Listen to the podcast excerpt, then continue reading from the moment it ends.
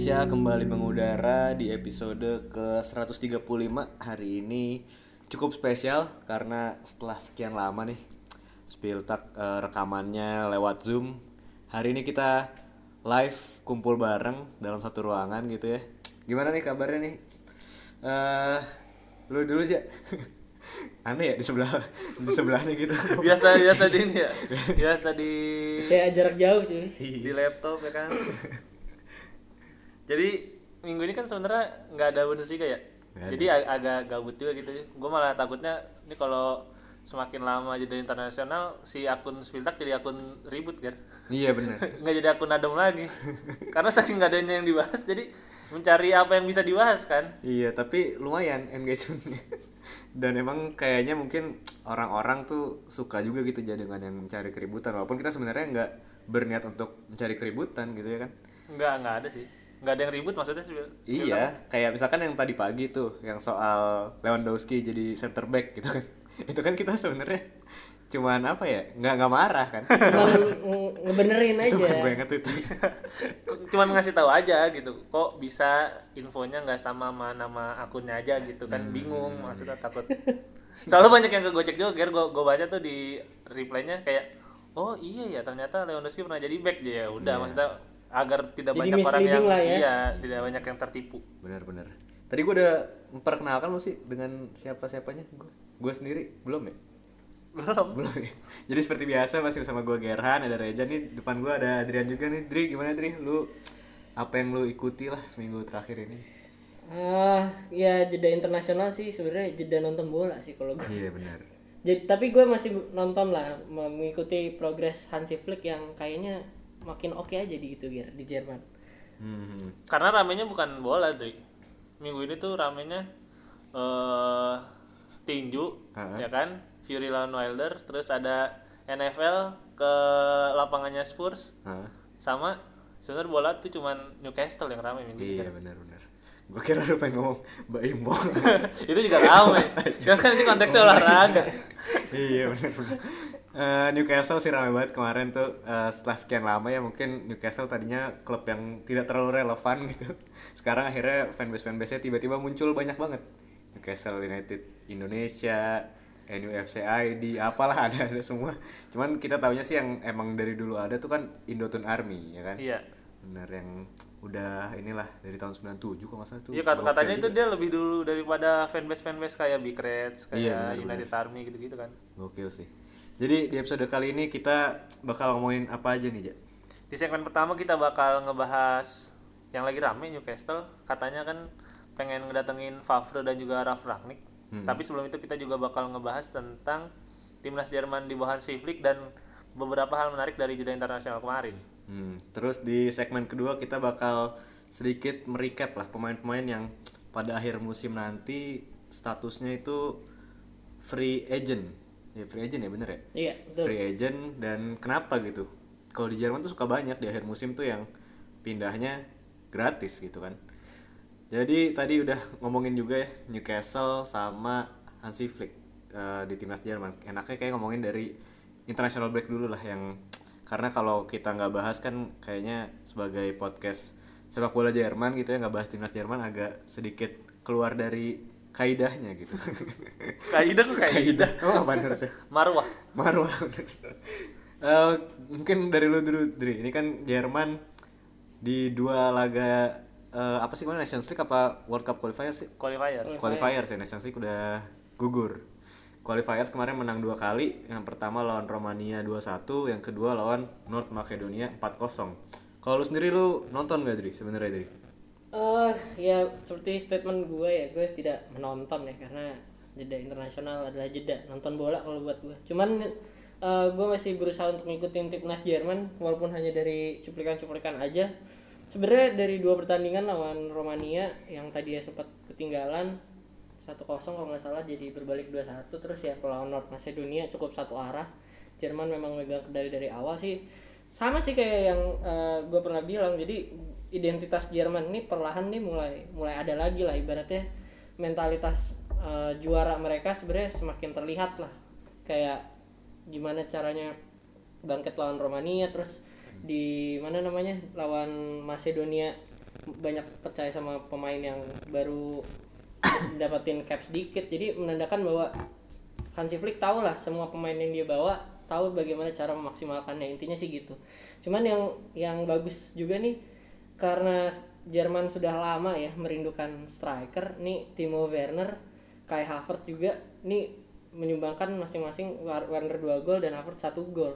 Nah ini yang gue sih ngelihat bener-bener titik lemah beberapa kompetisi eh, di apa Jerman ngikutin kompetisi ya ke- kehilangan sosok striker murni lah. Dan perlahan gue gua ngelihat Havertz dan Werner nih juga apa lebih paham lah di bawah Hansi Flick dan terutama Werner yang benar-benar dipercaya lawan Macedonia dan akhirnya benar-benar nunjukin kalau dia memang mampu lah menjadi striker yang bagus gitu kan.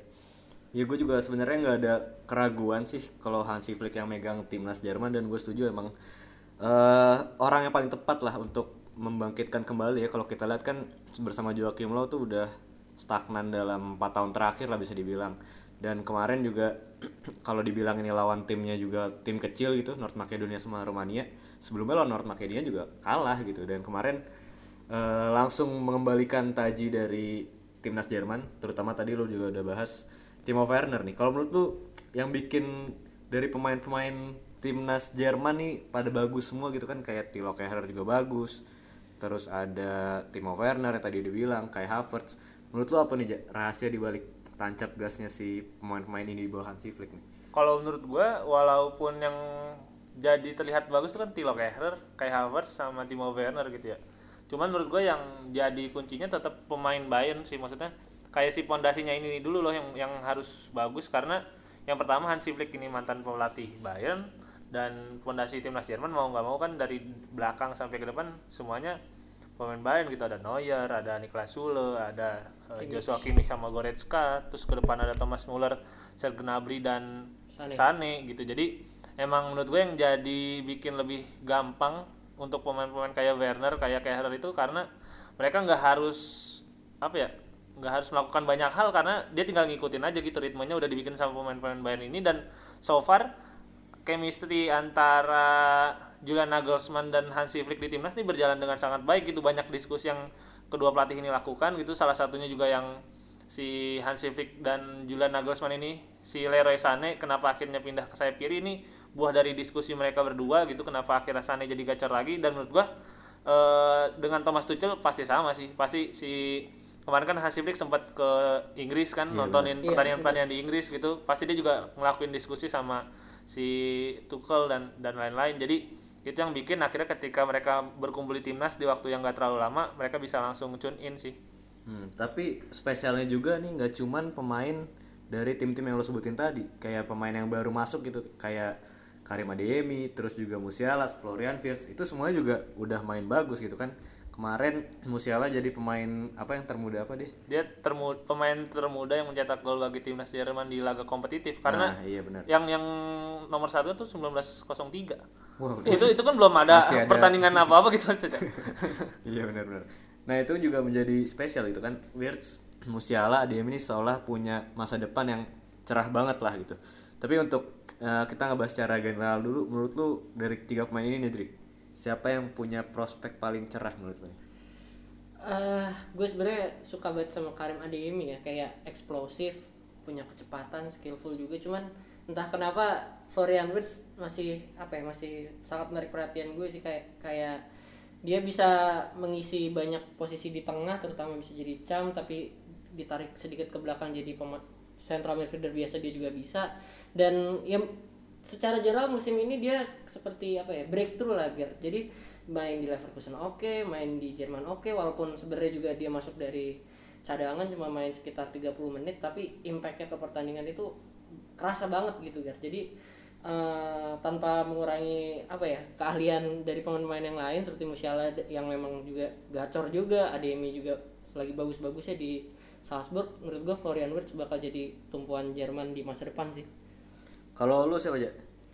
kalau gue sih Jamal Musiala menurut gue jadi sosok yang apa ya sosok yang membuat Jerman dan Bayern ini nggak harus takut Thomas Muller absen jadi jadi kan biasanya kan selama ini eh, skemanya nih berpusat terhadap kehadirannya Thomas Muller gitu atau kalau misalnya di Bayern juga Thomas Muller dan Lewandowski gitu. Cuman kalau gue lihat Musiala ini bisa ngasih eh, kehadiran yang seenggaknya mirip kayak Muller gitu. Bukan Musiala ini bukan tipikal youngster yang dimasukin ketika lu udah menang gede gitu doang kan gitu. Jadi dia bisa masuk ketika memecahkan kebuntuan juga dan gue rasa Musiala bisalah agak jadi pemain kunci pas nanti Piala Dunia 2022 dan menurut gua yang bisa bikin youngster youngster ini bisa cepat masuk tuh kepercayaan Hansi Flick. Karena hampir semuanya dapat menit bermain walaupun kemarin cuma main dua kali. Yang gak main itu cuma dua center back Matthias Ginter dan Nico Slotterbeck sama kiper cuman Ben Leno dong yang gak main. Sisanya dapat kesempatan semua dan menurut gua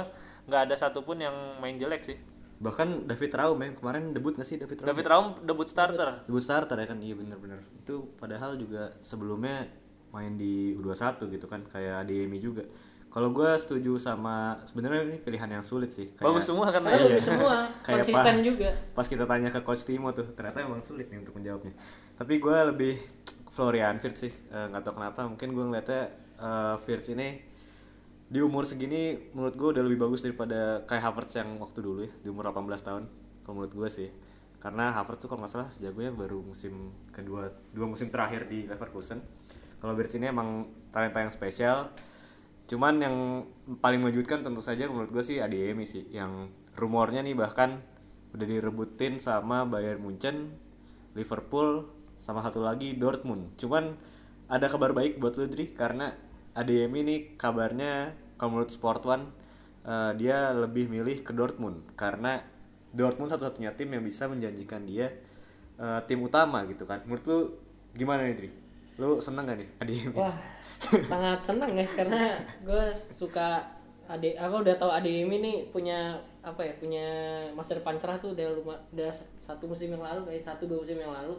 Dan ya sekarang Dortmund sudah berubah menjadi destinasi para pemain muda yang butuh jam terbang sih Ger. Kita lihat Jude Bellingham yang katanya udah sempat sampai di Juventus tapi dia nolak. Terus Erling Haaland yang udah di, diincar MU pun dia juga nolak demi mendapatkan yaitu tadi jam terbang tinggi yang di umur-umur segini dengan eh, ibaratnya spotlight yang cukup besar juga Dortmund eh, salah satu tim terbesar di Eropa dan reguler main di Champions League dan selalu menjadi apa ya eh, penantang serius Bayern menurut gue ini kayak apa ya tongkat estafet sih Ger kalau menurut gue Erling Haaland dari Salzburg dia dikasihin dia bakal pergi musim depan ke Karim Adeyemi kalau menurut gue gitu. Jadi udah sangat pesimis nih Halan bakal cabut. Ya, udah eh, pasti cabut optimis, lah. optimis berarti ya. udah masih cabut lah cabut sih ngomong. Dan ini sih apa? ADM menurut gua jadi apa ya? Dia matang sebelum waktunya tuh karena kepergian Haaland sebenarnya kan. Iya, dia, dia, dia gue. tuh dulu pas si Erling Haaland pindah itu sebelumnya dia masih setengah musim main di FC Liverpool kan. Setelah Haaland pindah dia baru dapat eh, jam menit main utama terus musim lalu baru benar-benar jadi reguler dan menurut gua benar-benar cepet banget sih perkembangannya dan kalau misalnya musim depan pindah juga menurut gue jangan ke tim-tim yang kayak lu sebutin tadi kayak Liverpool gitu kan takut kayak Minamino jangan ke Munchen takut kayak Cuisance gitu misalnya. Menurut gue Dortmund jadi pilihan yang tepat dan eh kepergian Holland juga seenggaknya ngebuka jalan buat main reguler. Bahkan kan sekarang Moukoko juga udah main cukup Iya, banyak ya. Benar-benar. Cuman ya yang disayangkan kalau pindah ke Dortmund tuh kayak bawaannya ini cuma jadi klub stepping stone ya. aja gitu. Karena tiga musim, empat musim gitu sangat kemungkinan besar dijual cuman ya nggak apa-apa lah mungkin emang begitu cara menjalankan klub ala Dortmund ini. Kita lanjut nih ke pembahasan selanjutnya yang juga menjadi fenomenal banget dalam seminggu terakhir lah bisa dibilang yang menjadi eh, buah bibir dan ini semua karena uang gitu kan. Karena Newcastle yang sebenarnya dari tahun lalu udah sempat dirumorin bakal dibeli sama orang Arab. Nama namanya siapa sih? Sultan siapa gitu kan. Muhammad bin Salman. Nah ya, itu kalau nggak salah dia punya namanya apa? PIF itu apa? Sovereign Wealth Fund gitu. Jadi Ah, iya, iya, saya iya. tahu gue jadi Arab Saudi eh, meng- apa ya mengumpulkan uang yang didapat dari hasil dagang minyak lah kasar gitu untuk diinvestikan diinvestasikan ke bidang-bidang lain selain Oh. energi dan gas atau ya bahan bakar minyak gitulah jadi ini APBN ya Iya jadi intinya negara. eh, mendiversifikasi lah bahasa kerennya, Ah, iya, diversifikasi iya, iya. keuntungan lagi gitu. Jadi Newcastle udah resmi dibeli lah di apa sih namanya di Akuisisi. akuisisi oleh orang Arab tadi itu Eh, Sultan Salman itu. Muhammad bin Salman. Muhammad bin Salman aduh gue salah mulu. Eh, dan dia menjadi orang terkaya yang punya klub sepak bola juga kan Iya. 230 billion eh, dolar Iya. apa euro gitu 10 kali lipatnya apa 20 kali lipatnya Sheikh Mansur itu. Iya, itu padahal di di Manchester City kayak 15 tahun yang lalu gitu, eh 13 tahun yang lalu itu kayak udah menjadi sebuah hal yang wah ini mematikan sepak bola gitu kan. Kalau ini sebagai fans Bundesliga lu aja melihatnya gimana aja dengan adanya akuisisi, akuisisi sebesar ini nih? Eh, pada awalnya gue ngelihat fans Newcastle selebrasi gue agak kaget gitu ya. Maksudnya kayak wah tim lu yang lu dukung nih tim lokal lu diambil sama orang Arab Saudi gitu. Yang jarak jauh banget dari kota lu. Terus lu selebrasi segitu senangnya gitu. Cuman setelah melihat backgroundnya gimana Mike Ashley di sana juga caur banget gitu. Mereka bilangnya merayakan kepergian Mike Ashley gitu. Gua agak mewajarkan walaupun kita belum tahu nih maksudnya ini nggak nggak nggak semua orang punya duit banyak bisa menjalankan klub dengan Baik baik, dan gitu. benar lah iya ya. kayak udah banyak contohnya kayak Malaga terus kayak Anzi. Anzi yang kemudian ditinggal gitu aja setelah datang Eto'o dan lain-lain menurut gua masih harus dilihat lagi gitu bagaimana nanti dia bakal invest ke Newcastle dan gue bersyukur sih Bundesliga maksudnya nggak nggak ada yang instan kayak gini karena eh, ketika ada tim kayak Newcastle gini terus seakan-akan fans jadi nggak punya apa-apa lagi gitu kan maksudnya Iya iya. semua semuanya udah milik pemilik fans cuman sebagai customer aja jadinya Iya benar benar. Gue setuju sih emang ini yang membedakan lah kalau bisa dibilang gitu ya. Secara idealnya klub sepak bola kan eh, untuk masyarakat gitu ya. dan kalau kita lihat sekarang udah banyak banget yang di terutama di Premier League udah banyak banget yang diakuisisi sama pemilik-pemilik investor asing dan ya pada akhirnya banyak juga tuh yang akhirnya eh, salah di manajemen juga kan kayak eh, seolah-olah menjual jiwanya lah gitu kan. Kalau lu sendiri lu mungkin ada pandangan lagi Dri? Gue sih kurang lebih sama lah ya. Gue memang suka Bundesliga. Wah ya, memang gue fans Dortmund, cuman gue lebih ngelihat Bundesliga ini lebih apa ya fans lebih demokratis lah gitu di mana fans selalu punya suara gitu di semua klub nggak hanya di satu atau dua klub tapi di semua klub. Tapi juga bisa balance dengan eh, ya ibaratnya bisnis lah ya. Bisnis ya hak siar terus ngejual ke mancanegara hak siar tersebut untuk mendapat revenue yang nanti dibagi lagi ke setiap tim. Menurut gue perpaduan eh, di Jerman ini sebenarnya berjalan dengan sangat baik ya gitu. Cuman gue juga ngelihat kalau di Inggris itu kayak sudah penuh juga sih Ger. Semua tim jago semua. Maksudnya punya punya kekuatan untuk beli pemain lah gitu ya. yang yang pasti jumlahnya sangat fantastis gitu. Dan gue rasa sih dengan skuad Newcastle yang sekarang ya kita akan melihat mungkin Manchester City jilid 2 di Newcastle di mana beli banyak pemain ibaratnya bongkar pasang dan dan bongkar pasang itu pasti mengeluarkan biaya yang tinggi juga.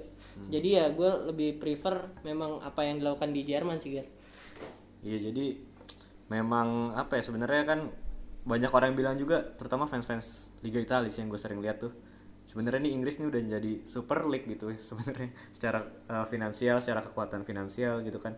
Dan kalau di Jerman ini memang nggak mungkin gitu ya uh, se- seorang investor asing mengakuisisi klub terus dirayakan itu sangat tidak mungkin ya Bah- bahkan menurut gua ya kayak tim-tim Kaiserslautern lah gitu yang main di divisi 3 kalau ada eh, Taipan dari Tiongkok misalnya pengen beli timnya tetap ditolak sih Mas. iya tetap ada ultras yang menolak pasti kan. Walaupun timnya udah buruk banget nih udah di divisi 4, divisi Tapi 5 lebih menurut gua pasti berdikari. Iya. makanya kan maksud gua kayak RB Leipzig tuh akhirnya dapat klub tuh yang benar-benar di bawah banget karena tim divisi 2, divisi 3 tuh benar-benar nggak ada yang mau Iya. dapat investasi dari orang random gitu loh. RB Leipzig kan dari divisi 5 ya Iya, Maastricht apa gitu. Nah, jadi emang sebenarnya juga di Bundesliga emang terjadi juga kayak gini. Hoffenheim juga kan eh, sebenarnya dibeli sama Hop tuh tahun 90-an cuman kenapa baru bisa bagusnya belakangan ini karena emang ada aturan yang kalau kita eh, kalau seorang investor yang menyuntikkan dana 20 tahun berturut-turut itu memang boleh 100% gitu kan. Sama yang terakhir sih Hertha Berlin yang ini udah sering kita bahas gitu kan. Dan menjadi apa ya mungkin olok-olok tolak ukur juga gitu bagaimana manajemen yang eh, dijalankan tidak baik gitu walaupun walau- baru dua tahun Eh, bisa kayak gitu walaupun lu punya investor yang kaya gitu. Kalau menurut lu gimana nih biar terhindar lah kalau kita belajar dari Hertha Berlin gitu. yang paling utama sih sebenarnya bukan di pemain ya menurut gue yang paling utama ada di sosok eh, belakang layarnya gitu di direktur football atau di dirteknya dan dari rumor yang sudah beredar kan kabarnya mereka eh, ingin menjatuhkan pilihan kepada Ralf Ragnik yang sekarang juga sebenarnya lagi ada proyek di Lokomotif Moskow. Menurut gua kalau misalnya si Newcastle ini memilih Ragnik menurut gua pilihan yang sangat tepat karena Ragnik ini sebenarnya udah punya background membuat proyek sepak bola gitu. Di Hoffenheim dia proyeknya berhasil Hoffenheim sampai ke divisi teratas terus di RB Leipzig juga proyeknya berhasil. Sampai si eh, Leipzig ini kemarin sampai ke semifinal UCL jadi menurut gua Ragnik sosok yang sangat tepat karena sekali lagi sosok Dirtek ini lebih besar dibandingkan sosok pelatih atau pemain yang bisa datang dan pergi lebih cepat gitu karena kalau kita lihat juga Manchester City di baliknya kan ada si direktur Siki. yang iya dari, Dari Barcelona Gerstein. kan jadi eh menurut gua sebelum memilih eh, pelatih sebelum mendatangkan pemain menurut gua lebih harus mendatangkan sosok direktur sepak bola agar tidak seperti Ed Woodward Tapi emang mengerikan sih misalkan Newcastle berhasil gitu ya datangin Ragnik berarti si Ragnik juga bakal menjadi nggak tahu mungkin pelatih yang pertama kali di Liga Top Eropa gitu menangani dua klub. Karena kan di Lokomotif nih dia baru awal musim ini gitu kan tiga tahun tuh kontraknya gitu. Dan yang menarik juga eh, selain dari rumor sporting directornya ada rumor pelatih yang juga mantan pelatih Bundesliga. Ini mantan kesayangannya Adrian ini. Lucien Favre nih Dri. Lu ngeliatnya gimana Dri? Apakah eh, Lucien Favre ini sosok yang cocok untuk Newcastle seenggaknya dalam jangka waktu pendek atau mungkin lu ngiranya jangka waktu panjang juga emang paling pas gitu? Eh, gue gimana ya pengalaman Dortmund sebenarnya musim perdananya tuh benar-benar gimana ya, bagus banget sih kalau menurut gue benar-benar hampir juara dengan skuad yang ya sebenarnya juga cukup dirombak banyak gitu. Cuman yang gue sih eh, ngelihatnya ini sih Ger, apa sejarahnya lah dia di Gladbach eh, bagus abis itu kayak burn out terus jadi jeblok banget sama juga kayak di Dortmund musim perdananya hampir juara terus burn out di musim ketiga udah kayak bingung harus eh, ngeramu tim ini gimana lagi. Cuman mungkin eh, yang selalu pasti adalah eh, progres sih biar walaupun akhirnya regress gitu. Jadi mungkin Favre cocok untuk target jangka pendek biar untuk misalnya em, finish di masuk ke Europa League gitu untuk masuk kompetisi Eropa yang di mana Newcastle mungkin udah kalau misalnya 7 8 musim nggak nggak masuk ke zona Eropa gitu jadi benar-benar butuh pelatih yang juga berpengalaman. Dan sebenarnya juga banyak eh, orang bahas juga kiprahnya di Nice. Kalau nggak salah dia peringkat tiga ya jadi sebenarnya dia pelatih bagus. Cuman memang kalau kita banding ya mungkin agak kejauhan ya bandinginnya kayak sama Klopp sama Pep. Itu kan dia dalam beberapa uh, musim kalau dia sudah mulai agak regres sedikit dia bisa nge apa ya meng- memperbaharui lah pendekatan dia untuk melihat permainan gitu. Melihat uh, uh, taktik ya. Cuman kalau Favre ini memang biasanya paling awet 2-3 musim tuh udah mulai kelihatan lah grafik turunnya. Cuman untuk jangka pendek kalau memang kejadian ini langkah yang tepat kalau menurut gue Ger. gue juga setuju sih karena gue ngeliatnya emang Favre memainkan sepak bola yang menyerang atraktif tuh. Kayak Paco Alcacer bisa golin sebanyak itu zaman itu kan kita nggak ada yang menyangka gitu ya. Cuman ya itu tadi gue juga setuju. Menurut lo kayak nih Favre kalau kita lihat di Dortmund musim terakhir tuh kayak seolah udah bener-bener kehilangan kepercayaan dari eh, ruang ganti gitu kan. Sama Royce sama yang lain-lain. Dan juga satu hal lagi menurut gue juga Favre ini nggak bisa mengembangkan mental juara sih. Karena setuju gue karena dia kayaknya nggak bakal pernah terlepas dari bayang-bayang battling the league 2018-2019 tuh itu tapi 9 poin. Soalnya itu ya. lumayan parah sih soalnya. Tapi itu ada dokumenter di Amazon Prime itu. Ada masuk ya? Ada yang yang musim Dortmund yang itu. Aduh gue itu dari dari episode 1 episode 2 tuh udah kayak optimis banget bakal juara kan sebenarnya. Oh wah. Mendatangkan Witsel pemain berpengalaman untuk menjadi juara gitu kan. Wah di akhir-akhirnya gagal juara. Jadi ya gitulah. Lu ada tambahan aja si Favre aja ya Favre mungkin kayak kayak Manchester City lah zaman-zaman Elano, Robinho gitu yang Oh. s- buat stabil dulu gitu kan sebelum masa-masa Zico Aguero. iya benar-benar mungkin kalau zaman-zaman Itu siapa sih pelatihnya? Hughes Roberto Mancini. Hughes Eh, Mancini udah jago itu, Mancini Mark Hughes ya. Hughes. Iya. Iya. Aduh, kayaknya ini lebih bagus daripada Hughes. Kalau Favre menurut gue. Eh, udah sih paling eh, dari bahasan segmen 1 sebenarnya masih ada rumor-rumor yang mau didatangkan juga nih masih berbau Bundesliga nih. Cuman kita bakal bahas itu nanti di segmen kedua karena ada satu pemain yang juga eh, kontraknya mau habis nih apakah bisa nih datang ke Newcastle gitu kan. Jadi kita bahas nanti di segmen kedua.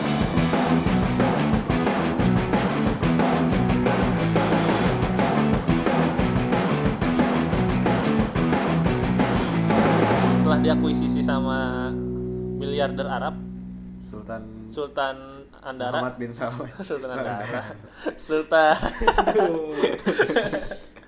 Duh ini re, apa? Referensinya ketahuan ya? Nonton YouTube. Jadi eh, setelah diambil alih sama Sultan dari Arab Saudi si Newcastle ini sebenarnya sudah dihubungkan bukan dihubungkan sih banyak orang-orang yang memikirkan kalau Newcastle musim depan bakal datangin Erling Haaland, Kylian Mbappe, Gianluigi Donnarumma dan lain-lain gitu. Jadi Nama eh, khayalan ya. Nama-nama yang sebenarnya kayaknya yang nggak cuma bisa terjadi di FM doang. Iya, nggak di FM juga kayaknya belum tentu kan. Maksudnya kan kalau tim-tim dari tim gede pindah ke Oh iya, Newcastle susah, gitu susah. kan susah. Eh, akhirnya beberapa hari terakhir muncul rumor-rumor yang lebih masuk akal gitu. Seperti contohnya Timo Werner dari Chelsea, kemudian eh, Niklas Sule dari Bayern. Nah, yang menariknya Niklas Sule ini sebenarnya kemarin sempat bocor eh, tentang WhatsAppnya dia dengan agen dan mantan agennya yang bilang kalau dia tuh sebenarnya ngebet banget pindah ke Inggris. Cuman sebenarnya Niklas Sule ini pengen pindah ke klub-klub London gitu. Dia dia dia bener-bener bilang kayak eh udah tim mana aja dah. Chelsea, Arsenal, Spurs, ada nggak nih linknya gitu ibaratnya ya. Kalau misalnya nyari kerja gitu. Atau MU, Liverpool dia bilang. Cuman akhirnya nih eh semakin ke sini dia cedera kan musim lalu, terus baru baru balik jadi reguler lagi di Bayern. Akhir musim ini bakal habis kontraknya dan eh, menurut lu Ger, apakah eh, kepindahan Sule dari Bayern gini misalnya nanti dia pindah ke Newcastle adalah sebuah langkah yang realistis nih. Apalagi Sule bener-bener pengen pindah ke Inggris. Gue nggak nggak nggak ngeliat Sule bakal perpanjang kontrak sih sebenarnya. Kalau gue sih ngeliatnya sangat realistis sih menurut gue. Eh, apalagi dengan Sule juga pindahnya dari Bayern gitu. Kalau pindah dari Bayern biasanya kan gajinya udah gede yang bisa meng, apa namanya mengakomodasi gaji itu kan biasanya klub-klub yang juga stabil gitu. Cuman sejauh ini sih klub-klub besar di Inggris ya terutama di mana Sule pengen main gitu udah pada punya back tengah gitu kan di Chelsea ada Rudiger sama Thiago Silva juga baru datang Christensen Christensen itu siapa yang yang terus muda? Trevor Trevor Chalobah walaupun Rudiger sempat ada rumor katanya dia juga pengen ke Bayern ya kan udah mau habis iya juga. pengen ke Bayern Zoma juga masih ya? Zoma Zoma. dipinjemin Oh. West Ham. Terus MU kan baru beli Varane sama baru masih ada si Lindelof, masih ada Maguire juga kayak sulit. Terus Liverpool baru udah udah lagi mewah lagi sekarang. Iya. Konate. Bisa, bisa rotasi back ya kan. Konate. Matip, Van Dijk itu udah sangat sulit tersentuh gitu. Paling Arsenal cuman Arsenal kayaknya nggak terlalu Arsenal juga banyak sebenarnya. Arsenal juga baru ya? Arsenal, Tomiyasu, Arsenal se- Ben selain selain Ben White, Oh iya baru beli Ben White 50 juta lagi. iya selain Ben White dan Gabriel. Chambers, Gabriel gitu masih ada yang Holding. dipinjemin kayak si Saliba. Dinos Mavropanos sama Oh William iya, Saliba. benar, Sebenarnya benar. masih banyak banget. Of holding ya kan. Spurs juga baru beli Christian Romero jadi kayaknya eh, Newcastle ini sangat tepat lah gitu untuk untuk Sule. Karena siapa aja yang bisa diganti nanti? Karena Niklas Sule akan berkompetisi dengan Federico Fernandes.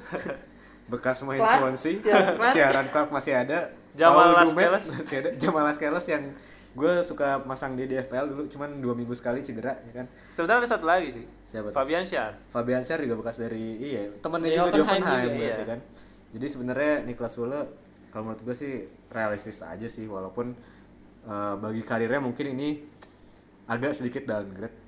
Nggak sedikit deh jauh deh jauh downgrade ya. Dari Bayern ya? dari Bayern ke Newcastle. Cuma kan ini proyek yang eh, menyenangkan lah gitu. Kalau kita lihat secara eh, dari sepak bola secara fans gitu ya. Ini kan proyek yang menyenangkan membangun tim dari awal dari nol ngegabungin pemain-pemain yang tadinya udah nggak kepake lagi gitu kan. Kayak rumornya kan Timo Werner juga di Chelsea sebenarnya nggak ada Timo Werner sekarang pun masih oke-oke aja gitu. Masih ada Lukaku masih ada Havertz.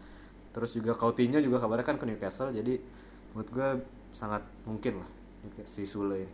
Kalau menurut lu sendiri, apakah eh, ini merupakan langkah yang tepat untuk Sule tidak memperpanjang kontrak di Bayern gitu dengan eh, ketidakpastian kan sebenarnya nanti di tim barunya apakah dia bakal cocok, apakah iklimnya bakal cocok gitu. Dan sebenarnya kan Newcastle ini tidak seindah London gitu kan sebenarnya. kalau dia pengen pindah ke London gitu sebenarnya kalau misal nanti pindah ke Newcastle kan tidak bukan kota yang sama juga gitu. Dan apalagi eh sebenarnya Chelsea juga ada sedikit celah kalau misalnya Rudiger nanti pindah gitu. Cuman menurut lu gimana, Tri? Eh, sebenarnya alasan pemain pindah itu kan banyak ya dari yang absurd sampai yang benar-benar ya benar-benar objektif lah ya. Cuman gue melihat Sule sih memang udah bosan aja sih kalau gue ngelihatnya di Bayern terus eh, mungkin pengen mencoba atmosfer Liga Inggris gitu ya yang katanya liga terbaik di dunia nih. kalau atmosfer kayak Inggris bukan yang terbaik deh mungkin atmosfer ini sih kompetitifnya lah Ya, di mana ya. tim-tim yang terbaik itu katanya kan ada di sana gitu lah tapi ya banyak juga sih pemain yang eh, pindah dari tim yang gede terus agak turun turun kelas gitu habis itu main lagi tuh kayak misalkan contoh yang sekarang tuh Depay lah ya dari MU ke Lyon kan agak aneh sebenarnya kan cuman ketika di Lyon dia benar-benar jadi uh, tumpuan dan akhirnya bisa pindah ke Yang tim setara ya, pindah ke tim Oh, yang setara. Kalau kalau saat ini saat situasinya ini, setara. iya. Cuman dia kan Barca. tim yang diimpikan Barcelona. Nah mungkin Sule ini pengen karena dia di Bayern ini kan kayak udah udah udah nggak ada lagi lah di Jerman yang di atas Bayern gitu. Jadi dia pengen mencoba merefresh karirnya ke tim yang lain juga. Tapi gue agak bingung karena Bayern kalau menurut gue nggak dalam-dalam banget ya kedalaman skuadnya di posisi back tengah. Jadi mungkin Bayern juga masih akan tetap terus berusaha untuk mastiin Sule bakal ada di Bayern terus sih. Ya. Kalau misalnya Sule pindah gratis, Rudiger datang gratis sebenarnya win-win solution sih. Ba Bayern ya win-win sol- win solution dapat- untuk Bayern Iya dan dua-dua dua, iya, dua, Iya. dua-dua dia kan maksudnya Rudiger juga Oh, iya. kapa- apa kapasitas timnas juga gitu. Jadi Iya. menurut gua kalau misalnya bisa datengin Rudiger gitu lebih du- lebih dulu bisa memastikan kedatangan Rudiger daripada kepergian Sule sih menurut gua sebuah solusi yang sangat baik untuk Bayern gitu. Cuman gak cuma Niklas Sule sebenarnya yang kontraknya bakal habis di akhir musim Bundesliga ini. Ada beberapa pemain lain yang sebenarnya masih ada drama gitu dan belum pasti akan eh, memperpanjang kontraknya. Mungkin kita bakal bahas beberapa di episode kali ini. Yang pertama ada drama antara Gladbach dan juga dua pemain kuncinya nih. Ada Matthias Ginter dan Dennis Zakaria. Ginter nih kalau kemarin rumornya bahkan sampai ke Barcelona juga kan. Terus kalau Zakaria katanya sih antara Premier League atau AS Roma. Menurut lu gimana, Ger? Apakah Gladbach dengan situasi yang sekarang dengan situasi yang tidak bisa memastikan bakal main di kompetisi Eropa musim depan apakah dia bisa mempertahankan dua pemain kuncinya ini yang sebenarnya juga eh, hampir nggak punya niatan buat bertahan juga kan? Kalau Matias Ginter sebenarnya eh, sangat logis ya kalau dia pengen pindah apalagi umurnya juga sekarang bisa dibilang umur yang prime 27 tahun dan dia bisa dibilang juga eh, pemain timnas ya kan walaupun bukan pilihan utama gitu. Tapi pilihan kedua lah bisa dibilang masih sering dirotasi juga. Dan untuk pindah ke klub yang lebih besar yang lebih prestis juga untuk dapetin eh, titel juara sih seharusnya kalau gue jadi Ginter gue bakal mikirkan untuk pindah juga sih cuman yang agak aneh sebenarnya Denis Zakaria ini nih Denis Zakaria setahu gue emang musim ini lagi eh, menjadi tumpuan lah salah satu tumpuan di Gladbach juga kan sama pelatih barunya siapa namanya? Adi Gua Hutter. ketukar-tukar. Oh iya Adi Hutter ya kan? Kemarin tuh udah bikin dua gol kayak seolah terlahir kembali seolah punya peran yang baru juga. Cuman Denis Zakaria ini gue juga nggak yakin sih apakah emang kualitasnya tuh sebenarnya bagus apa emang overrated. Karena eh, kalau lu nonton eh kalau ngeliat fans fans Bundesliga tuh jarang yang ngeret Denis Zakaria sejago itu kecuali mungkin pas awal-awal muncul ya masih muda gitu sekarang kayak udah menurun gitu cuman rumornya kan Zakaria ini pengen ke Dortmund ber apa namanya kembali bersama si Marco Reus sama satu lagi ke AS Roma ya kan ke sama Jose Mourinho dan ini sih sebenarnya eh, mungkin juga pindah sih Zakaria dengan alasan yang sama mungkin sama Matias Ginter menurut gue. Sebenarnya Zakaria nih nama yang lebih cocok untuk dihubungkan dengan Newcastle ya daripada Niklas Iya, bener. Menurut gua itu kayak pemain ini nanggung Cocok ya, nggak nggak profilnya. bagus-bagus banget gitu kan, tapi masih bisa untuk tim yang bersaing di Ya kompetisi kayak Eropa gitu. Nakamba. Marcus Nakamba. Eh, Zakaria kabar terbaru kan kemarin pas eh, jendela transfer dia sempat request transfer kan pengen pindah cuman nggak terrealisasi. Ginter kabarnya juga masih negosiasi kontrak Eh, katanya pengen naik gaji cuman nih nggak tahu nih Gladbach bisa memenuhi atau enggak. Kalau menurut Dri, apakah Gladbach punya kemampuan nih buat mempertahankan dua pemainnya ini? eh gue rasa mungkin kalau sedikit eh, usaha ya dalam artian ngejual pemain yang mungkin ibaratnya Deadwood ya mungkin bisa ya cuman gue lebih ngelihat eh, Ginter ini yang udah musim 4 musim kalau nggak salah di Gladbach dan memang performanya jauh lebih stabil jauh lebih bagus daripada waktu dia di Dortmund. Dan benar juga ini memasuki usia uh, prime ya sebagai pemain sepak bola. Gue rasa dia bakal keluar sih Ja. kayaknya gue ngelihat Bayern juga mungkin bisa bisa ngambil dia secara free. Bisa ada kemungkinan juga atau mungkin justru uh, Sule yang ke Gladbach tadi kan ngomong Iya, gitu bener. ya, Sule ke Gladbach Sule ke Gladbach. karena udah bosen kan. Nah Ginter ngerasa dia memang main harus main di tim yang lebih bagus dari Gladbach sih. Gue rasa itu. Tapi kalau Zakaria gue setuju banget sama Gerhan. Ini pemain yang sebenarnya hype-nya udah 3-4 musim tapi kok kayak kayak uh, masih masih apa ya? Masih belum membuktikan lah jati dirinya nih. Dan usianya sebenarnya masih 24 tahun dan sebenarnya bener sih profilnya cocok untuk Newcastle. Jadi gue ngelihat Zakaria kayaknya bakal diincar abis-abisan sama Dortmund yang uh, Witselnya ini udah mulai menurun juga aja mungkin uh, bisa nempatin Emre Can di situ terus uh, Zakaria bisa jadi pelapisnya Gio Reyna misalnya. Jadi gue ngelihat dua pemain ini memang kayaknya sudah menjalani musim terakhirnya di Gladbach sih Dan Witsel juga habis kontrak ya, iya Witsel juga kebetulan habis kontrak dan musim ini mainnya gue rasa sih udah nggak berada di level yang Dortmund butuhkan sih Kalau Dortmund juga kan eh, stok gelandang tengah tuh emang harus banyak juga kan Iya. karena Mainnya si. Marco Rose pakai diamond juga Iya. di tengah dan gue juga yang ngeliat kurang sok tuh sebenarnya Modahu tuh beberapa pertandingan terakhir sering ditaruh di paling dalam CDM, ya kan. iya. Main nomor 6 ya? Iya, jadi padahal potensinya gak keluar ya Iya, Modahu padahal lebih ke box to box lah bisa dibilang dan ini harusnya cocok sih untuk gantiin si Modahu gitu. Sebenarnya masih ada Emre Can cuman kan cedera ya kemarin ya. Di Zakaria cocok sih ke Dortmund menurut gue. Selain Gladbach ada juga eh, Hoffenheim nih yang bakal habis kontrak dua pemain kuncinya sekali lagi. Ada Andre Kramaric dan juga Florian Grillitsch. Florian Grillitsch ini sempat hampir ke AC Milan katanya kemarin gitu. Terus kalau Kramaric ini kan top skor sepanjang masa klub kalau nggak salah ya. Iya, dan betul. juga pemain Kroasia paling subur di Bundesliga sepanjang masa. Eh, menurut lu Ger, apakah bakal pindah atau bertahan nih dua pemain ini? Kalau Kramaric sih kalau nggak salah gue pernah nyinggung juga ya beberapa episode yang lalu kalau emang dia emang pernah bilang juga kalau ini kayaknya udah kelamaan dia di Hoffenheim gitu lima setengah tahun kalau nggak salah kan sejak dari Le- Leicester ke sini kan Iya, langsung ya iya. iya tuh dari berarti dari 2016 2017 gue lupa deh dan emang umurnya juga lagi-lagi bukan umur-umur yang udah masih muda juga udah 29 ya kalau salah ya Dia udah 30 sekarang. 30. Iya. Nah, iya udah umur segitu dengan profil Hoffenheim yang dalam dua musim terakhir nih sejak kehilangan Nagelsmann juga stagnan bisa dibilang papan tengah doang. Kramaric kalau menurut gue sih eh, fix pindah lah. Karena dia juga udah bilang kan waktu awal-awal musim tuh emang udah saatnya pindah. Cuman ini nggak tahu nih Kramaric bakal pindah ke mana. Eh, untungnya adalah Kramaric ini tipikal pemain yang versatil jadi banyak pelatih yang suka lah dan mungkin aja nih bisa aja ke Bayern bisa aja ke Leipzig juga menurut gue Menurut sih, untuk cocok. untuk tim-tim yang main di Eropa cocok sih. Kramaric Cocok, maksud iya. gua bener-bener konsisten gitu hampir setiap musim lebih dari 10 gol juga gitu kan. Cuman kalau Florian Grillitsch sendiri gimana dari menurut lu, Dri? Ini Florian Grillitsch juga sebenarnya nama yang underrated ya.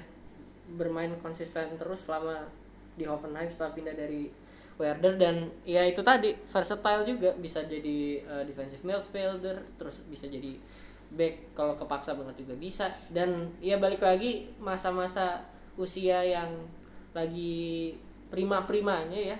Sekarang dia udah 26 tahun dan kalau memang be- benar memang diisukan klub ke kayak ke Milan gitu sebenarnya berarti dia punya potensi untuk bermain di tim top Eropa gitu. Sama juga sebenarnya dengan Andre Kramaric sih. Jadi walaupun sekarang usianya udah udah 30 posisinya second striker bisa, jadi striker tunggal bisa, jadi attacking midfielder bisa dan selalu uh, konsisten di tiap musimnya di Hoffenheim. Gue rasa tim-tim kayak misalnya Dortmund yang ya kalau jadi Halan pindah kebingungan untuk nyari striker Nah, iya. muda yang bagus, Kramaric secara dapetinnya gratis ini benar-benar jadi opsi yang Iya benar. benar-benar harus dipertimbangkan sih karena uh, benar-benar Kramaric ini hanya butuh uh, apa ya ekosistem tim yang bagus untuk dia jadi uh, mengeluarkan potensi terbaiknya kayak di Hoffenheim apalagi waktu zamannya Nagelsmann sih. Dan dia udah proven Bundesliga juga ya. Sebenarnya yang kayak Grealish sama Kramaric emang bener-bener tipikalnya Ho- eh, Nagelsmann Iya. sih. Bisa Pemain-pemain bisa banyak Nagelsmann. posisi ya kan.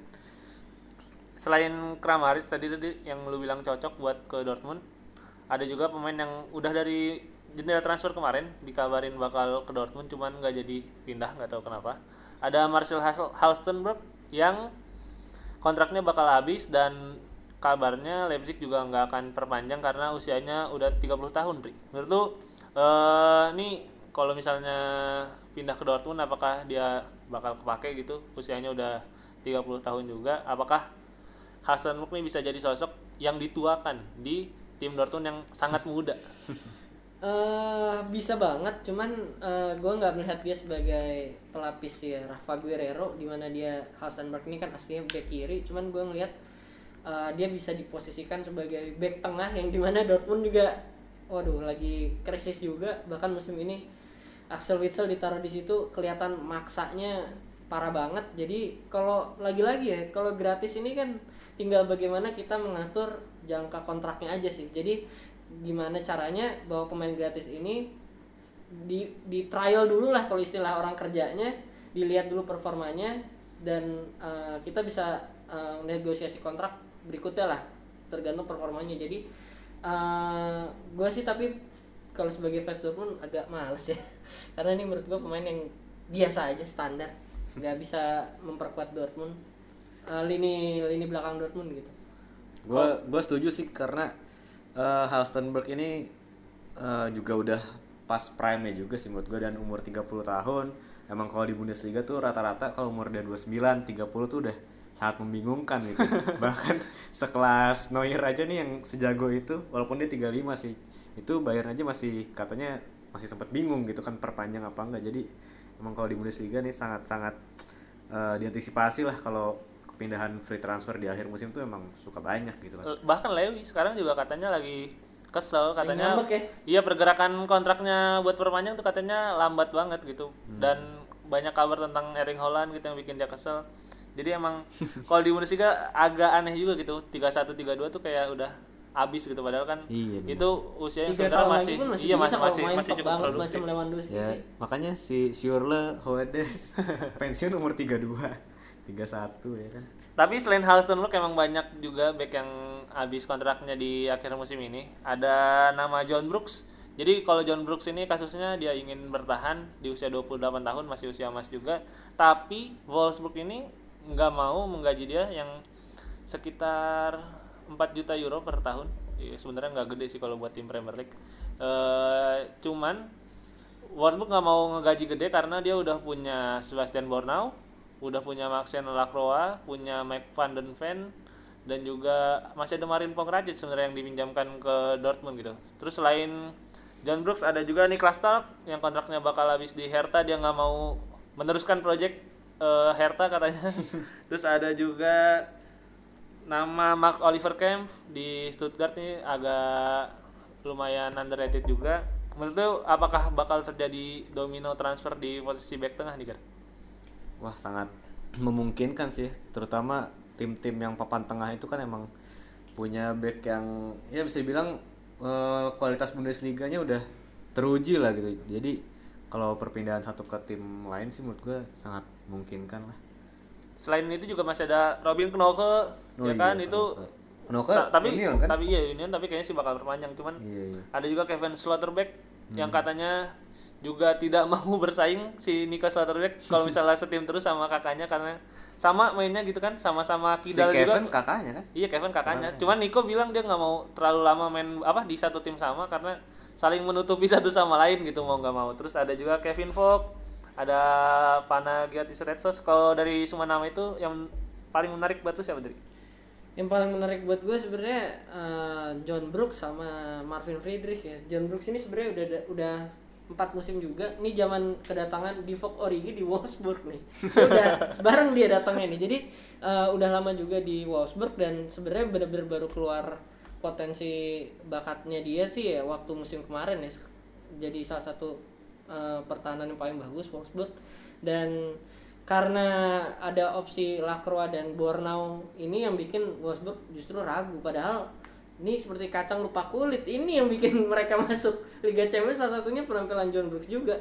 Dan ya Marvin Friedrich kita udah udah lumayan sering kayaknya bahas Union ya. Jadi betapa pentingnya dia di skema 3 back ya Urs Fischer ini benar-benar jadi urgensi utamanya Union Berlin sih kalau menurut gua karena uh, sama juga dengan John Brooks ini dua back yang benar-benar back utama gitu di timnya masing-masing dan bukan nggak mungkin tim-tim kayak Dortmund kayak Bayern ini bisa ngambil uh, pemain-pemain ini untuk uh, di- mem- memperkuat lagi lini pertahanan tim mereka masing-masing gitu. Jadi uh, Wolfsburg dan Union Berlin harus uh, mengambil langkah cepat lah karena waktu udah tinggal Januari berarti kurang lebih 2-3 bulan lagi udah mereka udah bebas kontak dengan banyak klub lain selain timnya mas timnya dia Jadi kayaknya di November, Desember nih bakal rame-ramenya nih perpanjangan kontrak pemain karena masih banyak juga yang underrated kayak Stefan Ortega, Amos Piper, Max Kruse termasuk ya. Florian Kainz juga ya? Kayak Niederlechner juga ya Niederlechner. Jadi kita tunggu aja mungkin update-update terbarunya dan eh, menurut gua bakal jadi saat-saat yang sangat menentukan karena di Bundesliga nih kayaknya gampang banget untuk berpindah secara gratis antara Iya. satu tim ke tim yang lain kan. Karena emang efisiensi keuangan tuh salah satu eh, keunikan sendiri lah di di sepak bola dunia gitu di Bundesliga gitu kan. Jadi Dan liga persahabatan. Liga persahabatan jadi pindah ke satu sama lain jadi udah cukup sering sebenarnya. Tapi ya udahlah paling gitu aja di episode kali ini aja. Ya eh, akhir pekan ini Ya kita juga ingin ada yang baru. eh, bergembira bersama karena setelah kita umumkan dua hari yang lalu ya hari ini TV One mengumumkan resmi, Bundesliga tayang di TV One jadi kita em, mengabarkan duluan daripada dari A1 official karena kita ini punya orang info A1 beneran ya? iya Jadi eh, Bundesliga bakal ditayangkan di TV One mulai pekan ini akan menayangkan laga antara Hoffenheim Lawan melawan Köln. Köln. Terus di hari Minggunya ada big match. Ini antara peringkat satu melawan peringkat dua, dua tim yang sedang kenceng-kencengnya Bayern Munchen melawan Bayer Leverkusen. Walaupun kita tahu semua akan menjadi gangster sampai bertemu Bayern. Hmm, bener bener. Kayak musim lalu kan. Bayern Leverkusen lagi jago-jagonya kalah juga lawan Bayern gitu. Jadi ya itulah tadi. Berarti gitu aja di episode kali ini. Eh, berarti TV One memang beda? Memang beda. TV terbaik di Indonesia? Gue Gerhan pamit. Gua ada pamit. gue Adrian pamit. Sampai jumpa di episode Spill Tak berikutnya. Bye